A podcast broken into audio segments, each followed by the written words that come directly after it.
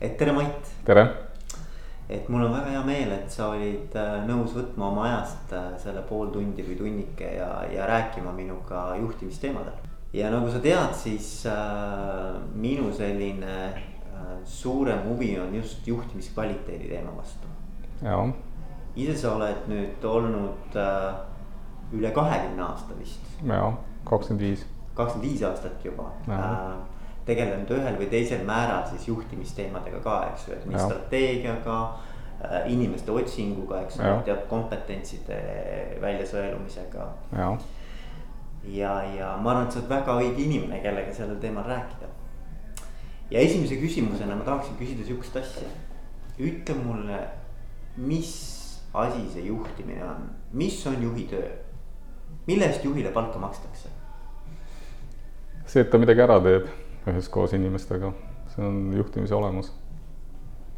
aga nagu selles mõttes, et, et kui minna nagu sügavamale, et, et, et mida see tähendab ära teha?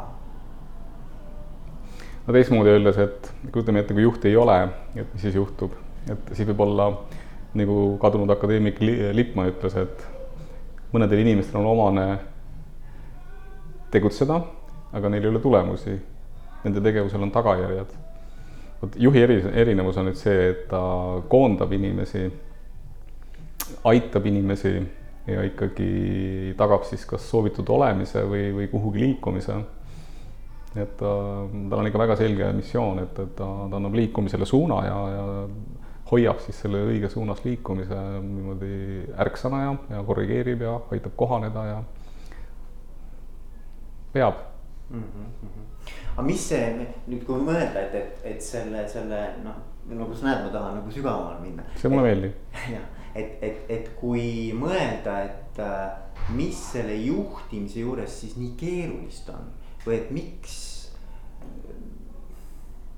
miks me peaks üldse nagu nii palju sellele tähelepanu pöörama? mis, mis on, mis teeb selle juhtimise selliseks? siin on niisugune ürgne tase ja siis on olemas inimlik tase. ürgne tase on võim et äh, hea juht on see, kes on, äh, kellel on palju võimu. see annab talle autoriteedi ja annab vahendid, et, et inimesi koondada, toetada ja see ei tähenda üldse julmust, see olemuslikult on just see, et, et ta võib teha väga pehmelt. aga, aga mõte on see, et tal on võim. no siin inimene loomariigist ei erine, aga mis inimesel on täiendavalt, kui me räägime juhtidest kui inimestest, siis me mõtleme ikkagi arusaamisvõimet ja see on minu jaoks üks põnevamaid teemasid, eriti kui ma vaatan, kuidas mu arusaamine on kujunenud juhtimisest. ja, ja tegeledes valdavalt püsiklientidega, kellega koostöös ma olen olnud mitmega rohkem kui kümme aastat.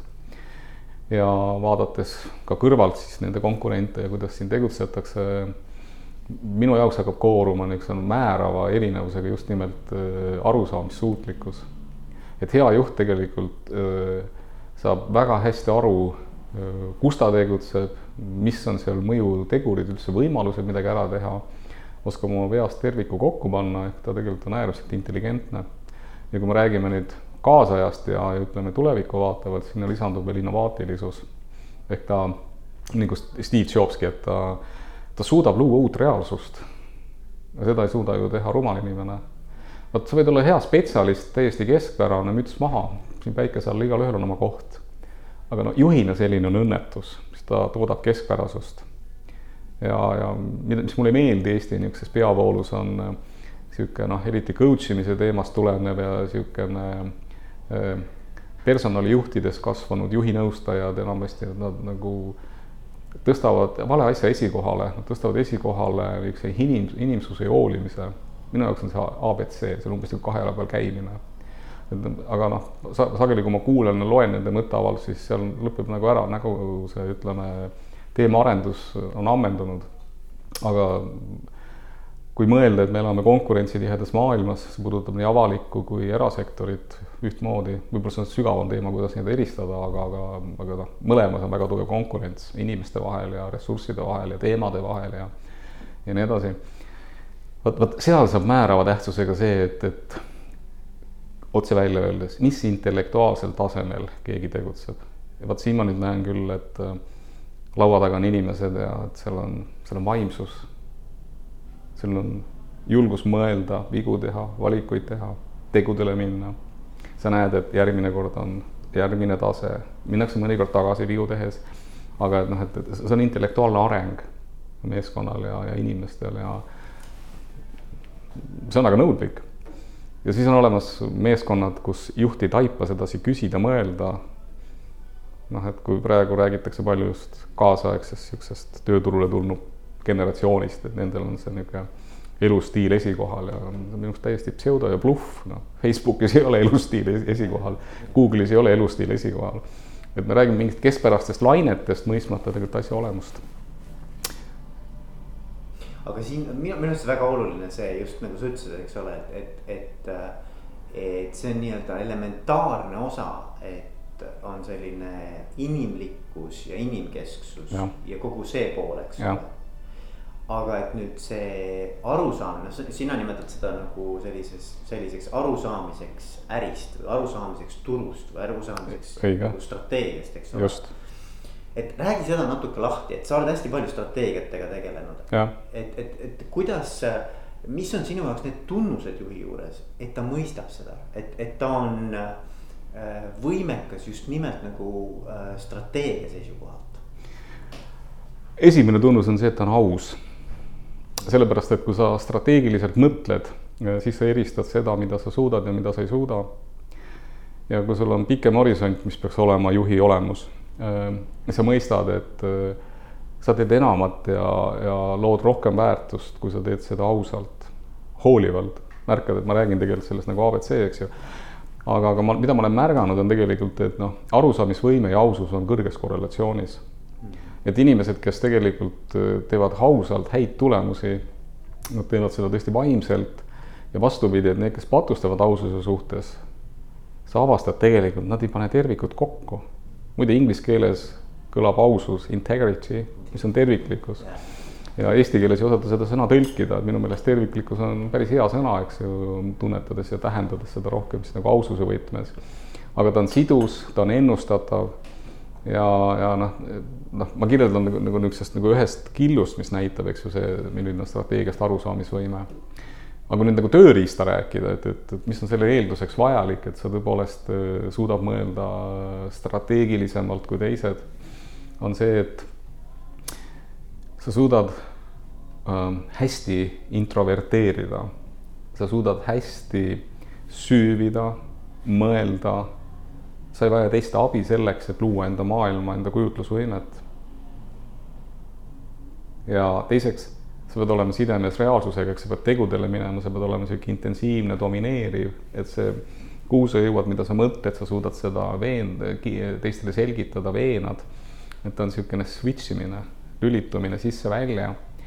ja noh, see professionaalsus tekibki sellest, et su arusaamisvõime kogu aeg suureneb, tehes tööd nende elementidega, nende hüpoteesidega, et, et hea juht on nagu teadlane. ta näeb põnevaid probleeme, ta püstitab hüpoteese, lahendusi, ta eksperimenteerib no seda on palju uuritud ja nii on välja jõutud niisugustele äratundmistele, et äh, majandusharidusega, eks ole, Michael Porteri järel kohe teisel kohal Clayton Christensen, kes on strateegiline mõtleja, noh. tema räägibki inno-, innovaatilisusest just selles võtmes, et inimesed eksperimenteerivad, ta on uurinud neid ja ja, ja niimoodi see näeb välja. ja sa märkad seda inimese kõneviisist, huvidest, suhtumisest, et noh, kas ta nagu on väike teadlane uudishimu võib-olla ka, eks ole. vot, ma olen nõus, et see on äh, seotud, aga ma nimetaks seda täpsemalt, et ta pigem on kirg mm.. vot see, see kirg tulebki sellest, et, et sa tajud, et see on maru tähtis ja seda annab teha. ja mul on kompetentsus seda teha. ja vot siit tuleb see juht ja võib-olla nüüd, kui ma niimoodi olen siiamaani rääkinud, tekib niisugune äh, nagu mõte, et, et siis ma räägin nagu mingist väga targast juhist ja siis, et noh, teised nagu ei pea nii targad olema see luksus pole tänases maailmas enam võimalik. noh, tuues nüüd järgmine väga oluline mõõde sisse, mis haakub strateegilise tarkusega, on, on äh, äratundmine, et, et kui varasemalt saadi ettevõttest aru eelkõige kui niisugust kasumi kojutoojast, et ta teeb efektiivsemalt üksikinimesed turul, see on kasumlikum ja, ja see on nagu hea ettevõtte tunnus. kasumlikkus on ikka au sees, aga nüüd see kasumlikkus ei tule mitte niisugusest ühisest efektiivsusest, nõndanimetatud sünergiast, vaid ta tuleb eelkõige suutlikkusest lahendada keerukaid probleeme. ja keerukuse juhtimise suutlikkus on just äh, see, see, mis on tähtis ja siin pole enam võimalik, et juht üksi on tark ja intelligentne. ja nüüd me jõuame selle juurde, mis mul natuke muret valmistab, on, et kui vaadata tänaseid tipporganisatsioone, kes sellest ka räägivad ja avavad oma tööriistu, näiteks nagu Google, siis noh, kui palju me oleme mõelnud selle üle, aga Google tegelikult ehitab oma kastisüsteemi. ta valib nii nõudlikult inimesi, see on hoopis teine maailm ja vaimsus, mis seal on, eks ju. ja see hakkab ennast taastootma ja tulenevalt nüüd tehisintellektist ja robotitest, masinõppest ja kõik, eks ole, sellest tuleb nagu järgmine väljakutse organisatsioonidele, et sa pead olema ka tehnoloogiliselt intelligentne. ja, ja nüüd, kes seda suudavad teha, et noh, kes julgevad õppida ja tahavad õppida, eks ju, on ikkagi niisugused innovaatilised inimesed. nii et vahekokkuvõte mu jutust on siis see, et võib ennast positsioneerida juhina, teha midagi toredat ja olla tubli inimene ja hea eeskuju, müts maha aga noh, see aeg on möödas kahjuks, et arvata, et see jääb nii ja tulenevalt just sellisest keskkonna keerukusest, tehisintelligent-, intel-, intellektist on, on, on tekkimas, ma arvan, niisugune täiesti selline tase juhtimises, mis, mis noh, mida täna küll räägitakse loosungitena, aga ei mõisteta mm. -hmm. et see, see niisugune ausus, terviklikkus ja tõesti, ma arvan küll jah, et niisugune hea niisugune prototüüp või niisugune kujund ongi, et, et tippjuht kui teadlane mm.. aga kuidas sa Eestit näed, ütleme, kui me räägime nagu Eesti juhtimistasemest, juhtimiskvaliteedist. et kus Eestis nagu king kõige rohkem pigistab? selles, selles samas. selles samas jah no vaata, me konkureerime ju Ameerika parimate organisatsioonidega, sest maailm on globaalne, eks ju, me lähipiirkonna parimate organisatsioonidega ja me natuke oleme täna oma teadlikkuses nagu ütles Aadu Luukas, et noh, sada aastat tagasi osa piimakaupmehi investeerisid hoburakmetesse, märkamata, et autotööstus tõstab pead mm. -hmm. täna on umbes sama asi, et et ma arvan, et noh, innovatsioon on teaduspõhine, see, mis raha koju toob, on teaduspõhine. kas meil on siin antud kümme aastat või kakskümmend aastat, see on natuke tinglik, eks ju, aga aga noh, see tuleb sellise hooga sisse, noh, umbes nagu internet, eks ju, kuidas ta on muutnud meie tööd ja meie olemust ja, ja siin liiga vähe täna küsivad ettevõtete juhid, omanikest rääkimata, et, et mis on selle ettevõtte DNA selles võtmes, kuidas nad mõistavad ja aru saavad strateegilisusest ja, ja rahvusvahelisest konkurentsist. ma oleks parem aru saada, ma toon mõned halvad näited, et et kui meie piimakaupmehed lähevad Jaapanisse, siis noh, ma ei suuda aru saada, kuidas saab olla see, see nagu äriliselt ja strateegiliselt tugev valik kas nad lähevad sinna siis koha peale tootma või, kas nad hakkavad siis piima transportima või? et noh, et noh, see ei ole kaasaegne mm. ja siis meil tuuakse seda niisuguseks näiteks, nagu meil toodi Elcoteki näiteks kakskümmend aastat tagasi, kõik väliskülalised viidi Elcoteki, eks ju. see on lihttöökoda oli ta ju. eks ju, noh, noh, see oli ajastu märk ja müts maha jälle, tehti hästi, eks ju mm. ma ikka toon näiteks Skype'i, eks ju, et lõpp kihvt või ja ma olen nõus, Eesti on palju sellest võitnud brändina, kuid ta oli ju ärina täiesti ebaõnnestunud. ta ei õnnestunud ise, ta ei õnnestunud e-base, ta ei õnnestunud Microsoftis. et mu eesmärk ei ole nagu halvustada Skype'i, mu eesmärk on tuua noh näidet, et me ei mõtle nendes mõõtkavades. et noh, et ma tahaks, et meil, kui ma tooks üks ülevaid näiteid, et Tartu Ülikooli rektoriks kandideeriks Eesti selline inimene, noh nagu oli Endel Lippmaa ma tahaks, ma tahaks noh, et küsimuse püstitused ja see latt, kuhu me seame, peaks olema maailma tasemel. Mm-hmm. no näiteks Elon Musk, eks ole. Äh, ma olen väga halb, suhtunud väga halvasti temasse. miks sa suhtud halvasti? ta bluffib ju, see on ju püramiid, mis ta ehitab. ta ei saa olla ju kompetentne nii paljudes valdkondades. ta, ta mängib püramiidskeemi, ta investeerib erinevatesse äridesse, võttes üüratuid riske kopeerides mõningaid teisi, kes on midagi efektiivset teinud, nagu Steve Jobsi oma käitumismallilt. et noh, mis, mis asi see on, mida ta teeb, mis tekitab usaldust, et see asi õnnestub. äri peab olema aus ja läbipaistev ka nendes, nende osas, kes sinna panustavad nagu investorid, nagu töötajad. aga kui sa panustad põhimõttele, et see võib ka mitte õnnestuda, et sa võtad niisuguseid tohutuid riske, see ei ole arukas. ma arvan, et ta ei saa aru, mis ta teeb. Ma annan aru, mis ma praegu ütlesin, eks aeg saab näidata, kas mul on õigus, et see on nagu väga, väga julge, julge väide, mis ma ütlesin. aga ma ei salga, et ma nii mõtlen mm,. aga no ta on vaieldamatult teinud väga suuri asju. no ta on hullumeelne ja ma arvan, et see ei näita arukust, et mm. see, no et kui ma tooks nagu sellest samast mida nad minu meelest nõmedalt nimetavad maffiaks, miks peaks ühte ilusat asja nimetama nii võika sõnaga, aga okei okay.. et selles äh, PayPali maffias on nagu Peter Thiel, hoopis teine tera, sügav, nutikas, kes äh, noh, nad tegid ju koos kõrvuti selle maskiga et ta võib olla mingis kujus efektiivne, aga noh, strateegina teda ma tooks nagu halva näitena okay., et see, see, see inimene okay.. aga Jobs?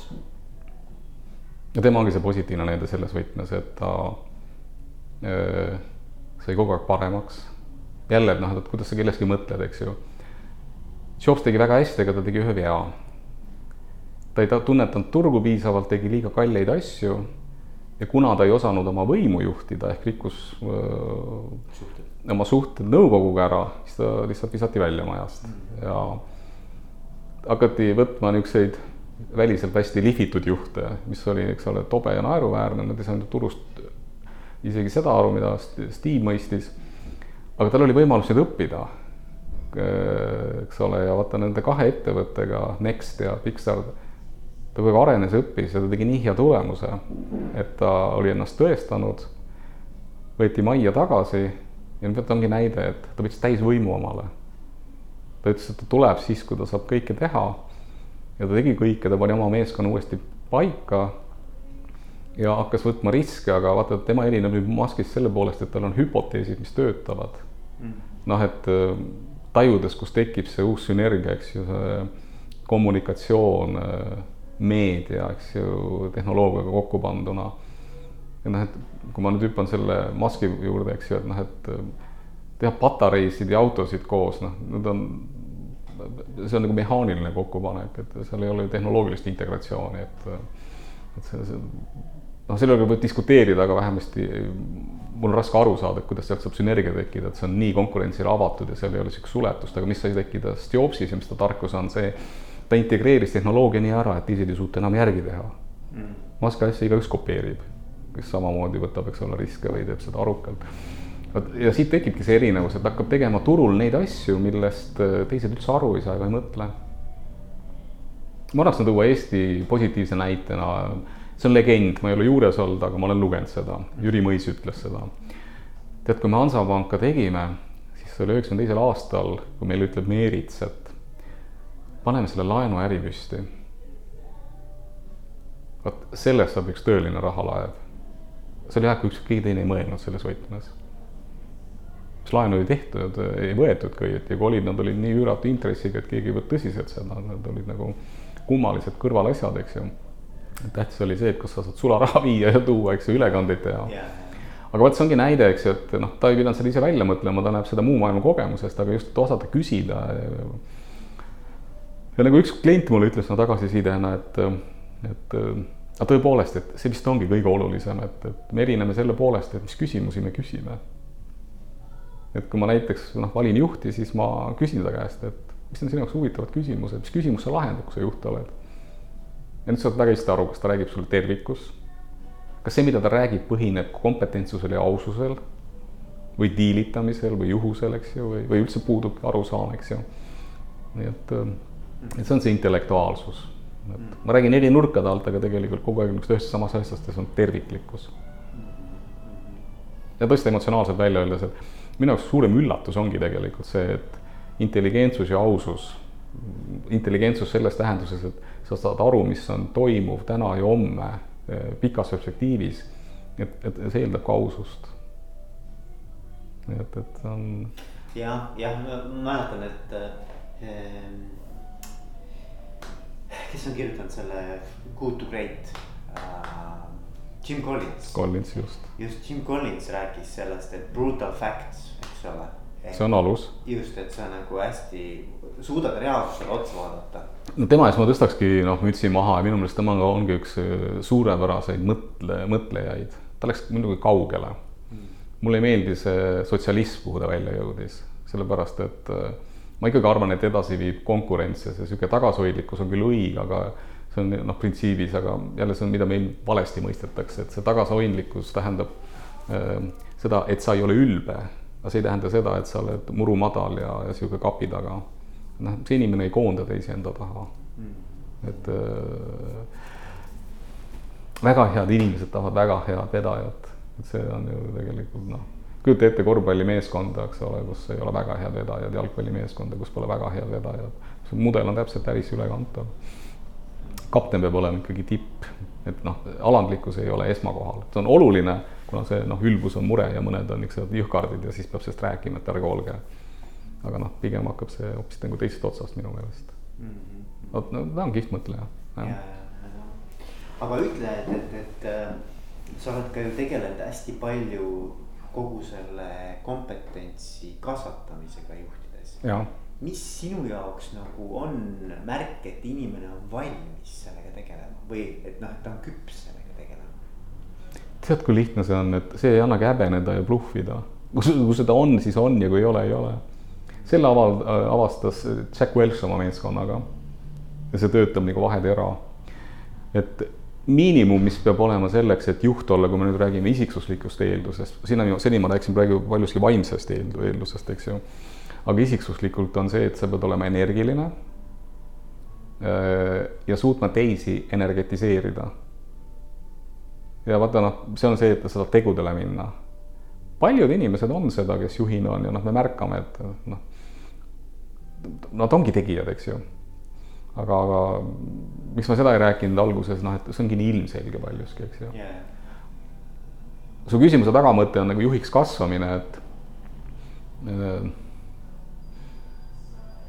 võib-olla sa ise täpsustad, et mida sa seal silmas pead, mida see tähendab, et just juhiks, see minu arust kasvamine ei sõltu sellest, kas sa oled juht või, spetsialist, et kui sa nii küsid, siis ma oletan, et sa mõtled, et et seal on midagi juhile ainuomast või, et, et sa saad ühel hetkel millestki teada või jõuad äratundmisele, mida sa noore juhina ei taibanud, eks ju. ma mõtlesin nagu pigem seda, et, et, et on mingisugune eneseteadlikkuse tase eelduseks, et sa saad nagu. seda ei ole võimalik õppida, minu arvamus mm., olles psühholoog. et mega, metakognitiivsed protsessid on äh, ikkagi äh, üsna palju arengust kinni äh,, isiksusest kinni mingil kujul, palju me ei tea neid, neist. aga noh, see paistab juba, see areneb puberteedi ja see natuke pärast seda frontaalsagar, kust nad põhiliselt juhitakse, need kujunevad, ütleme seal niisuguses hilises nooruses või varases vanuses välja alles.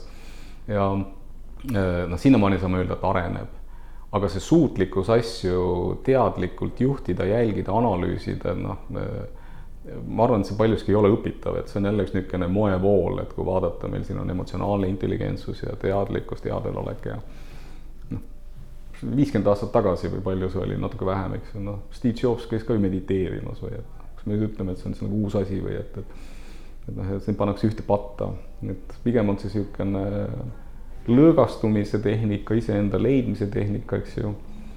aga noh, see teadlikkus, psühholoogid ju kritiseerivad, et see on nii laialivalguv kontseptsioon, seal on nii palju ala neid äh, lähenemisi, et noh, see on nagu seesama coach imine, et noh, kõik räägivad sellest. kui sa vaatad neid, et ähm, mis neid iseloomustab, et coach imist iseloomustab see, et ma ei ütle vastust ette, et ma aitan inimesel jõuda vastuseni. küsimuste kaudu, jah. tead siiralt öeldes, ma ei taha niisuguse inimesega rääkida mm. -hmm. ma ei taha aega raisata, ma tahan rääkida inimesega, kes mind inspireerib. aga kes mind inspireerib, inimene, kes on midagi teinud, kellel on sügavam arusaamine asjast ja ta küsib nii, et ma lähen mõtlen kodus edasi. ma ei mõtelnudki üldse niisuguse nurga alt et mis mul viga on, et ma ei suuda iseendale küsimuse esida ja vastata, noh tegelikult ma arvan, et vähegi mõtlev inimene ei, minu meelest ei, ei vaja seda. erand on see, kui sa saad nagu pihta ja sul on vaja psühholoogilist tuge mm. -hmm. no seal on ükskõik, kellega sa räägid seal on tõesti õige, et ära sega, vaid lihtsalt küsi ja räägi, eks ju. ja seal ma, ma arvan, et noh, see ongi asjakohane ja mõistlik, eks ju, kui inimest on vaja lohutada või sotsiaalset toetust pakkuda, eks ju. aga kui me räägime intellektuaalsest arengust ja enesearengust, siis äh, kas ma nüüd lähen ühe coach'iga rääkima sellest, kuidas olla parem konsultant, ma lähen räägin Gary Hameliga või selle Jim Collinsiga, mis on tema jaoks huvitavad küsimused. mõistad kui, kui erinev see on, seal on nagu professionaalne background all, mõtlemissuutlikkus ja, ja minu jaoks on see tähtis, sellepärast ma seda räägin, et, et see on ühiskonnas juba avastatud, et mis on hea töötav mudel selleks, et juht saaks areneda. See on doktoriõpe ülikoolis. kuidas see välja näeb? kus ma ise ka otsapidi sees olen, ma pole veel kaitsta jõudnud, aga teen selle ära. et äh, sa teed asju, sa saad tagasisidet, saad profi käest ja tegeled professionaalses maailmas professionaalsete küsimustega, eks ju. ja seal kellelgi tuleb pähe rääkida coach imisest, miks? see on pseudo, see pole vajalik. seal on vaja ikkagi sisulist, argumenteeritud, professionaalset tagasisidet sulle. ja nüüd on väga huvitav paradoks, et uuringud kinnitavad, et juhid tegelikult vajavadki asjatundlikku, usaldusväärset tagasisidet. ja sealt see kompetentside põnevus ja niisugune, et, et, et sa tahad igaühe käest saada tagasisidet kompetentside kohta, näiteks kas sa oskad koostööd teha, näiteks kas sa oskad äh, läbi rääkida või tead, ma arvan, et see juht teab isegi, kas ta seda oskab, selleks ei ole vaja kompetentside kohta tagasisidet küsida. võib-olla see on hoopis teine, et saada teada, mida inimesed mõtlevad. Et üks juht mulle ütleski, et teda huvitab see kompetentside hindamine sellepärast, et tead, mis ma ise tean, ma leian kinnitust, on see nii või ei ole, aga mind palju rohkem huvitab see, miks nad nii arvavad. see ütleb palju rohkem hindajate kohta.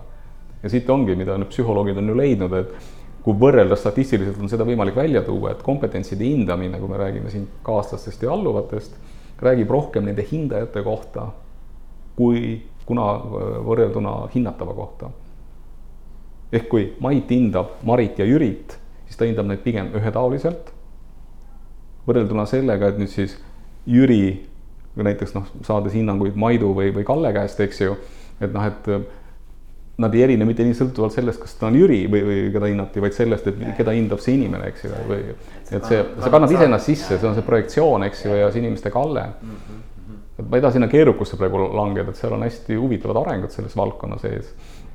Aga, aga jah, et, et tulles selle juurde, et kuidas see juht areneb, siis ikkagi esikohal on professionaalne areng.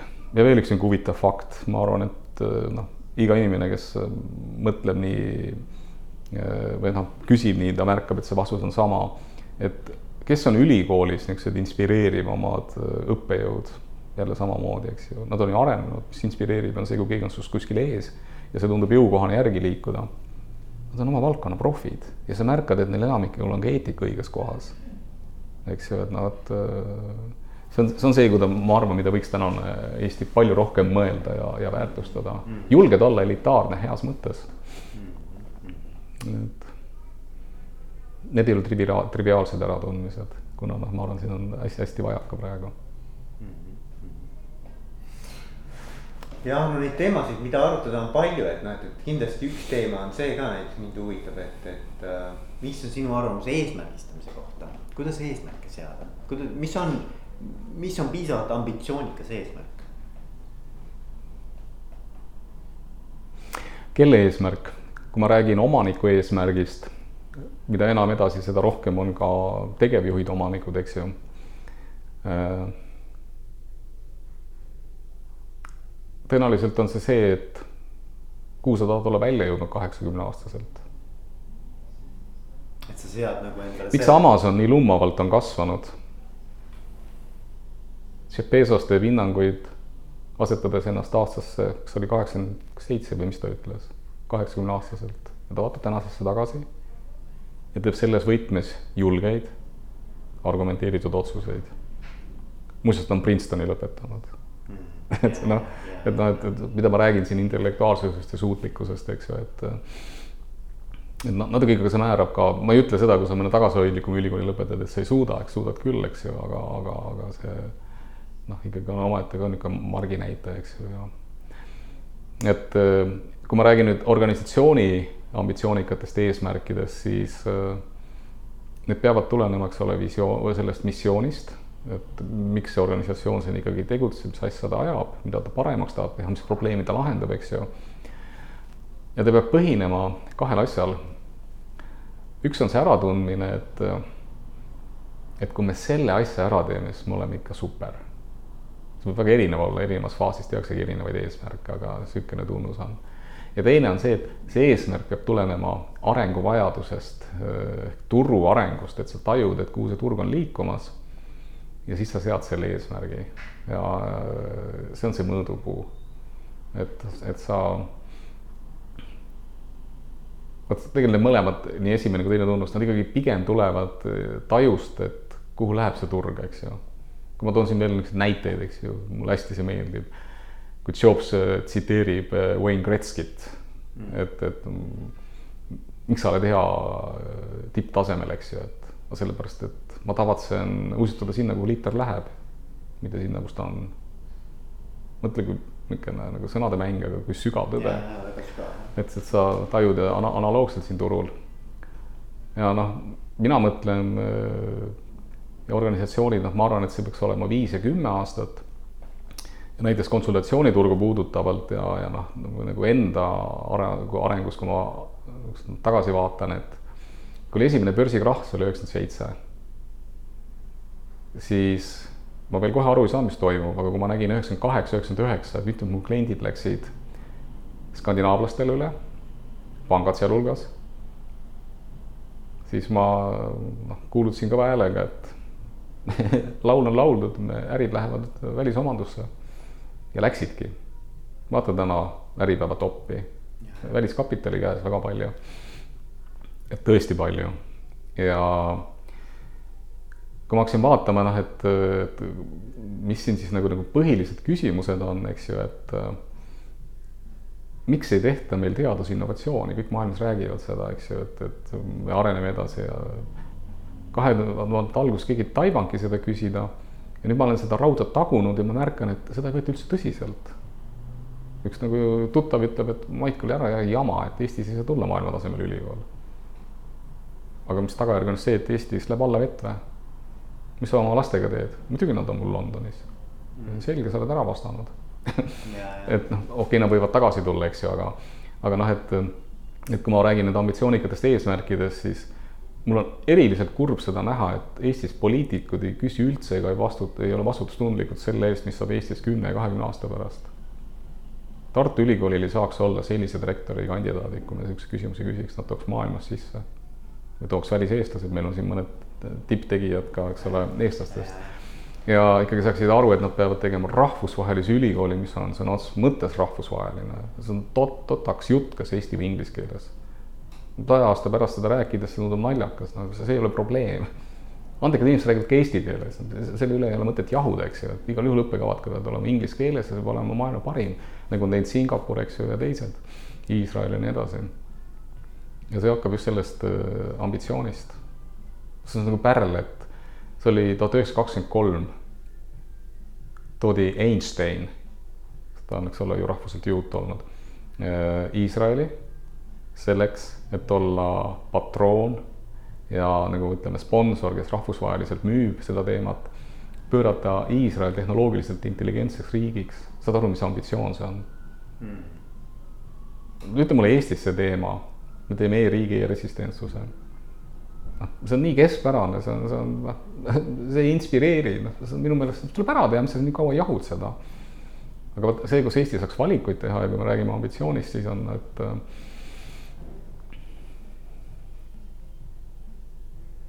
mina kujutaks ette, et see võiks olla näiteks nii, et äh, meil on kahekümne aasta pärast Nobel. See saab juhtuda siis, kui on terviklik lähenemine, on piisavalt palju andekaid sisse toodud, on keskkond loodud, neil on piisavalt raha, et nad saaksid midagi teha. ja see on piisavalt varakult juba tehtud, see Nobelit ei anta üleöö. et see võtab natuke aega, eks et seda tõestada, ehk siis peaks kümne aasta pärast ära juhtuma. aga vaata isegi kui me seda ei saavuta, oleme õiges suunas liikumas.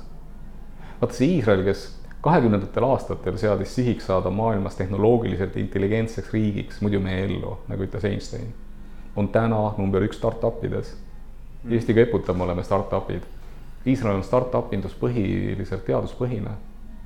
seal on noh, olles kaheksa miljoniga riik, eks ju, see on, see on võimsam kui Eesti nimeta mulle üks maailmas äh, äh, tehnoloogia liider, omas valdkonnas, kellel ei ole arenduskeskust Iisraelis.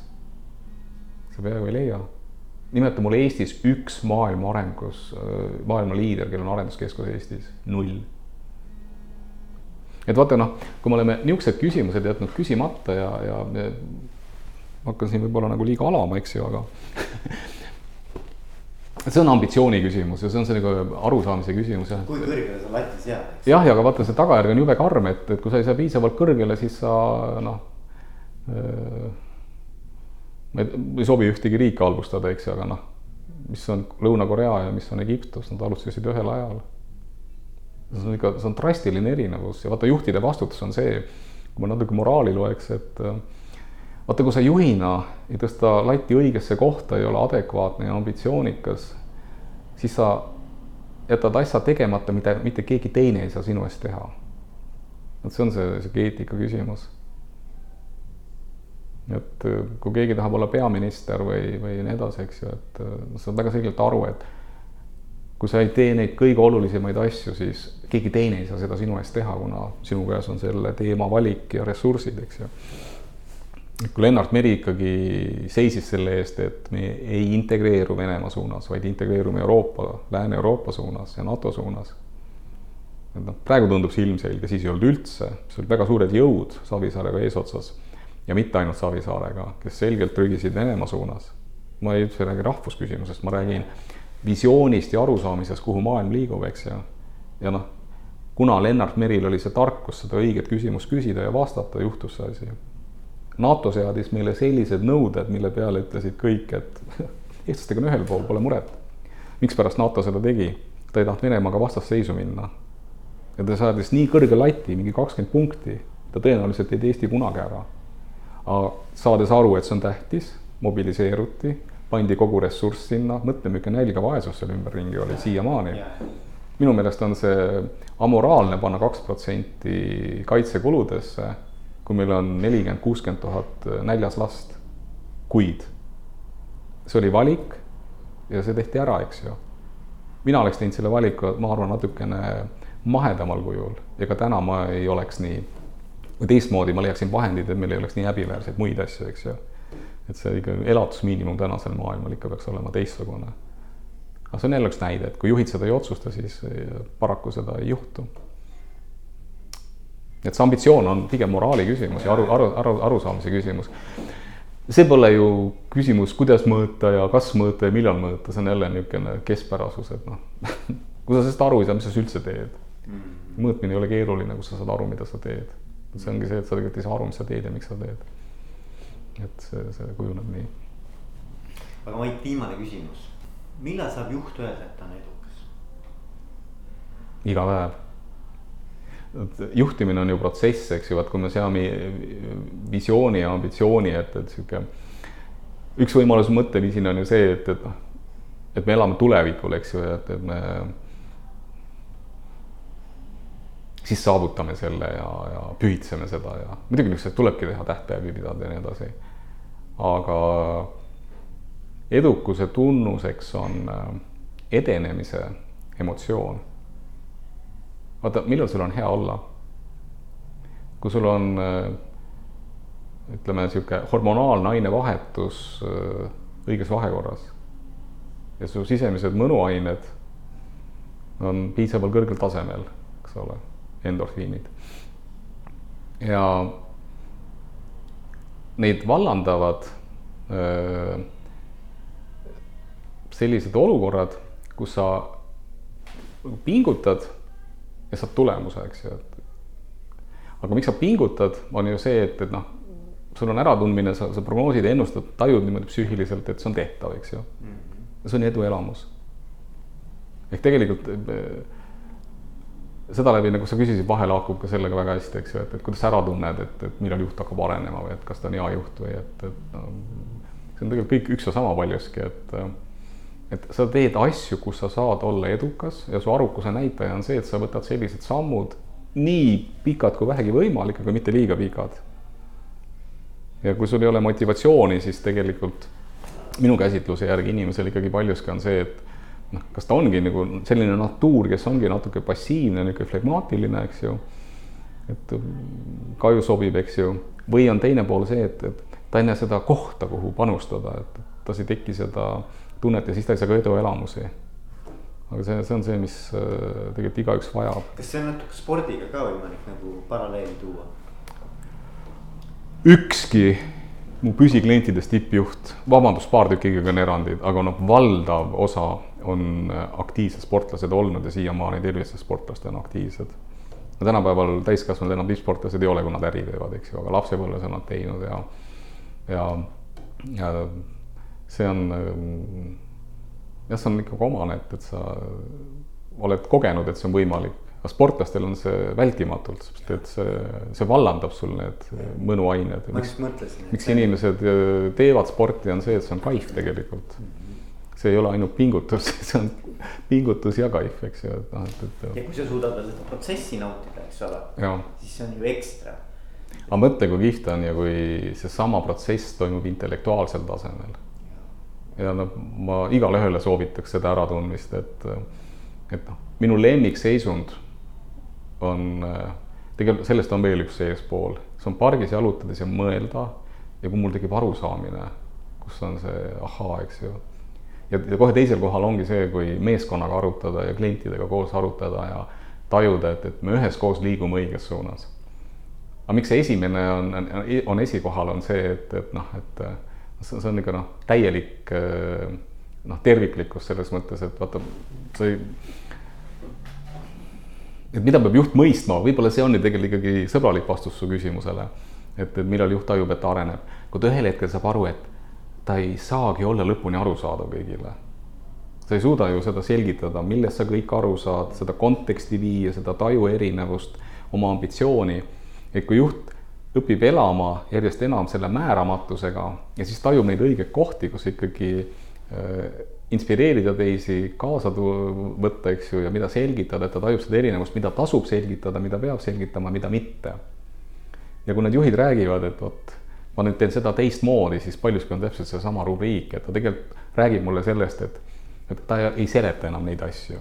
mõnikord on autoritaarsem, mõnikord on just demokraatlikum, vastupidi, et sa õpid mõistma teise intellektuaalse kaasatuleku suutlikkust. see on nagu sport, selles mõttes, et, et see on vaimselt nii kirgastav ja, ja energiat pakkuv hästi põnev on ära teada või jõuda sellele äratundmisele, kui palju see õpitav ja pärilik on, eks ju, et, et aga aga jah, et see on, see on midagi sellist. kuule, ma arvan, et siin on hea lõpetada, aitäh sulle, Mait. võta heaks